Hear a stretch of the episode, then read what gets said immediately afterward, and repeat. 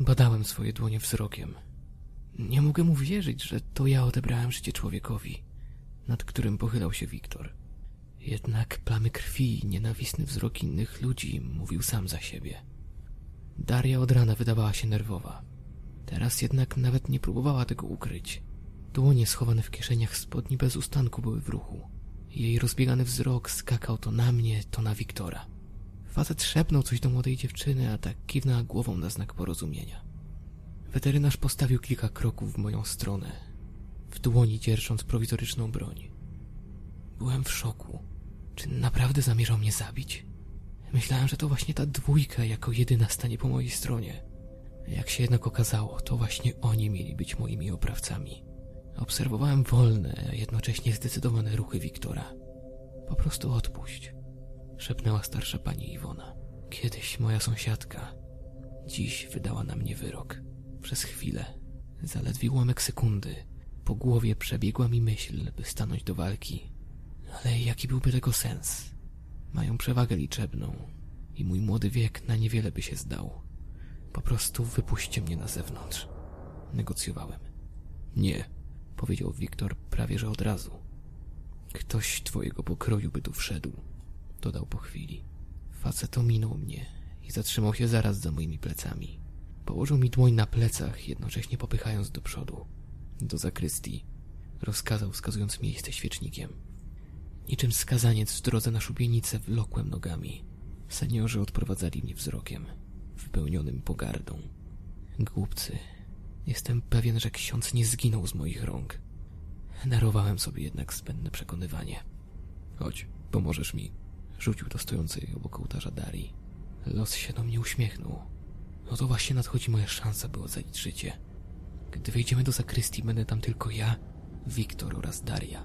Co prawda wciąż posiadają przewagę liczebną, jednak będzie mi znacznie łatwiej się obronić. Będę miał sporo czasu, zanim którykolwiek z seniorów dotrze do nas. Wkroczyliśmy do skromnie urządzonego pomieszczenia. Ze zdziwieniem zauważyłem, że podłoga pokryta jest plamami krwi. Ślady pozostawione na ziemi wskazują na to, że czyjeś ciało zostało wywleczone na zewnątrz przed ołtarz. Zachowując czujność, odwróciłem się w stronę Wiktora, który wraz z Darią stał nieopodal wejścia. Zaciskając kurczowo obie dłonie na żelaznym pręcie, przyglądał mi się badawczo. Ustawiłem się do faceta bokiem i nieco uniosłem lewą rękę.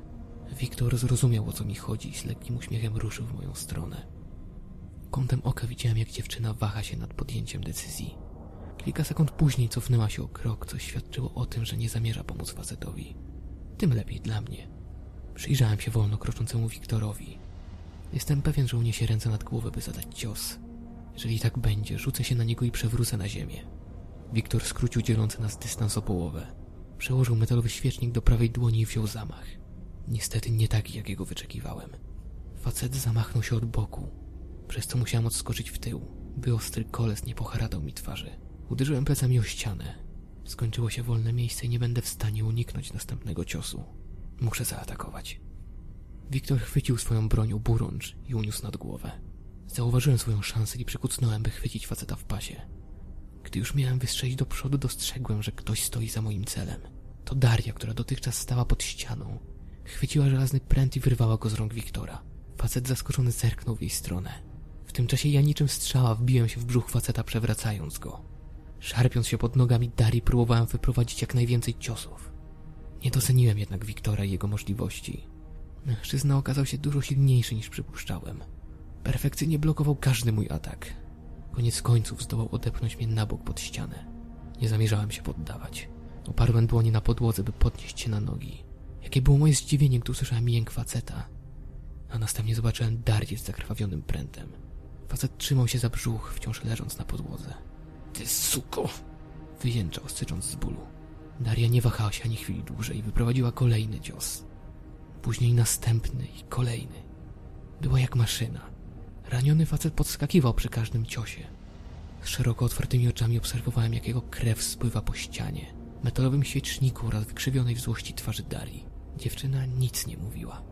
Jedynym słyszalnym dźwiękiem były kolejne ciosy oraz szybki oddech kobiety. Wiktor przestał się ruszać. Jednak Daria nie zamierzała przestać. Założę się, że tłukłaby go tak jeszcze z dobrą chwilę, gdyby nie krzyk i szamotanina dochodząca z pomieszczenia obok. Dziewczyna opuściła swoją broń, która wyślizgując się z poplamionych krwi dłoni uderzyła o podłogę. Głęboko oddychając uniosła swoje dłonie i zaczęła się im przyglądać. Po jej twarzy i kasztanowych włosach spływały stróżki krwi. Czerwona ciecz, kropla po kropli, upadała na ziemię, powoli tworząc kałuże.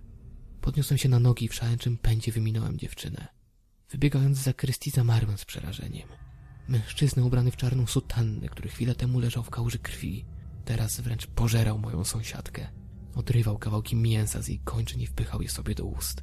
Kobieta wierzgając nogami próbowała się ratować, jednak daremny był jej opór.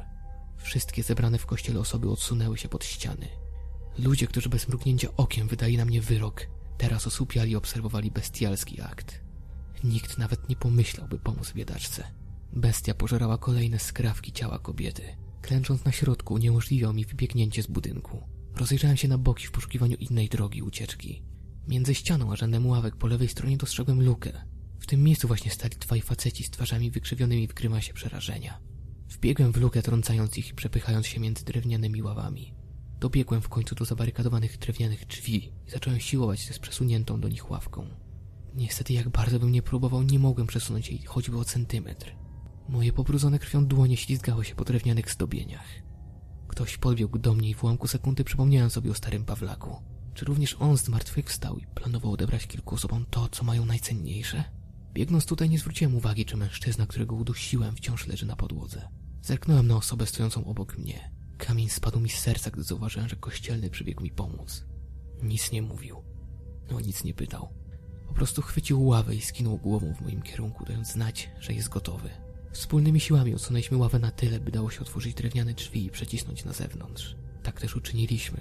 Zimny wiatr uderzył mnie w twarz. Rozejrzałem się po parkingu w poszukiwaniu mojego samochodu. Żołądek podskoczył mi do gardła, gdy zobaczyłem tuzin ciał leżących na ziemi. Ludzi z otwartymi klatkami piersiowymi, powyrywanymi kończynami i pookalczanymi twarzami. Walali się dosłownie wszędzie. Mięso oderwane od ciał barwiło wilgotną ziemię na czerwono. Spojrzałem w lewo, by zobaczyć, jak kościelny oddala się w kierunku pobliskiego domu. Muszę się spieszyć. W każdej chwili może wyskoczyć na mnie jeden z tych dzikusów i wygryźć dziurę w moim gardle. Z dłonią przy ustach mijałem samochody i martwych ludzi. Spierałem się na wymioty za każdym razem, gdy spoglądałem na martwe ciała. Idąc chodnikiem wzdłuż parkingu, lewą dłonią wymacałem kluczyki do samochodu. Wyjąłem je i ścisnąłem w pięści, by mieć pewność, że ich nie zgubię. Moją uwagę zwrócił ruch na chodniku. Zatrzymałem się i walcząc z potężną chęcią ucieczki przyglądałem się, jak jeden z nich czołga się po chodniku. Nieporadnie szurając dwoma kikutami zamiast nóg próbował zbliżyć się do mnie. Młody facet. Był kilka lat starszy ode mnie. Czy on nadal żyje? Blada twarz nie wyrażała emocji, a mętny wzrok śledził każdy mój ruch. Skręciłem w lewo między samochody i wyszedłem na ulicę. Tam jest.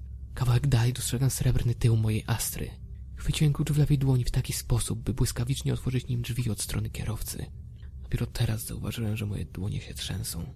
Truchtem dobiegłem do samochodu i obszedłem je. I wcisnąłem klucz do zamka. Rzuciłem się na fotel i zatrzasnąłem drzwi. Znajome otoczenie nieco podniosło mnie na duchu. Teraz czułem się bezpieczniej. Chcę stąd odjechać. Im szybciej, tym lepiej. Nerwowo zacząłem rozglądać się po wnętrzu samochodu. Cholera jasna. Rzuciłem pod nosem. Kluczyk wyślisnął się z mojej dłoni i wylądował zapewne gdzieś pod fotelem. Zamknąłem drzwi od środka i schyliłem się. Po omacku starałem się znaleźć cenny dla mnie przedmiot. Wkładając rękę głębiej, coś odbiło się od mojej dłoni. Z trudem udało mi się wyciągnąć srebrny klucz spod fotela. Nagle coś uderzyło o szybę od strony pasażera. Wystraszony podskoczyłem i skierowałem swój wzrok owe miejsce. Na zaparowanej szybie widniała plama krwi w kształcie dłoni. Poczułem, jak krople potu mimo niskiej temperatury spływają po moich plecach. Po drugiej stronie okna dostrzegłem twarz Darii. Dziewczyna miała łzy w oczach. Zapewne liczyła na to, że wpuszczę ją do środka. To prawda, że mi pomogła i powinienem się odwdzięczyć. Jaką jednak mam pewność, że młoda kobieta nie stała się jednym z nich? Spojrzałem w tylną szybę, przez którą miałem widok na kościół. Przez szczelinę otwartych drzwi do środka wciskał się obcy mi facet. Za nim w kolejce stał następny. Mężczyzna odwrócił się w naszą stronę i blada twarz wykrzywiła się w przepływie złości. Niezdarnie ruszył w kierunku stojącej obok mojego samochodu dziewczyny. Nie widząc innego wyjścia, otworzyłem drzwi. Nie chciałem, by Daria straciła przeze mnie życie. Nie chciałem, by ktokolwiek je stracił. Dziewczyna wślizgnęła się do środka, a ja odpaliłem silnik. Mój samochód jak zwykle mnie nie zawiódł. Wycofałem, skręciłem i ruszyłem do przodu, prawie wjeżdżając w posiadacza bladej twarzy. Nie zwolniłem nawet na chwilę. Pędziłem ulicą otoczoną ogołoconymi polami. Chciałem jak najszybciej pojechać do sąsiadującego z naszą wsią miasta i odwiedzić komisariat policji. Pytanie tylko, co z Darią? Mój wzrok instynktownie powędrował w jej stronę. Dziewczyna obie dłonie ubrodzone w krwią ściskała kurczowo w pięści. Jej wzrok natomiast obserwował migające za boczną szybą okna. Czy ona jest normalna? Czy Daria jest po mojej stronie?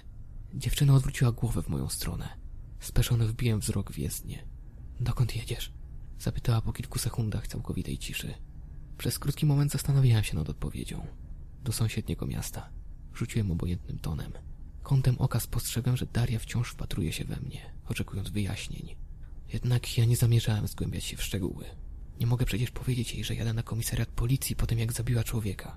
Kto wie, na co by wpadła, aby tylko ocalić własną skórę. Dziewczyna zrezygnowana oderwała wzrok od mojej twarzy i wróciła do obserwacji pobocza. To on zabił księdza. Powiedziała bez krzty emocji. Dziewczyna bez wątpienia miała na myśli Wiktora. Zerknąłem na Darię i widząc, że wciąż wpatruje się w szybę, zapytałem. Wiesz dlaczego? Dziewczyna zignorowała moje pytanie. Nawet na mnie nie spojrzała. Jej uwagę przyciągnęło coś innego. Nadchodzi mgła, powiedziała zerkając gdzieś w przednią szybę. Uniosłem wzrok i zauważyłem, jak z pomiędzy drzew pobliskiego lasu wyłania się mleczny, blady obłok.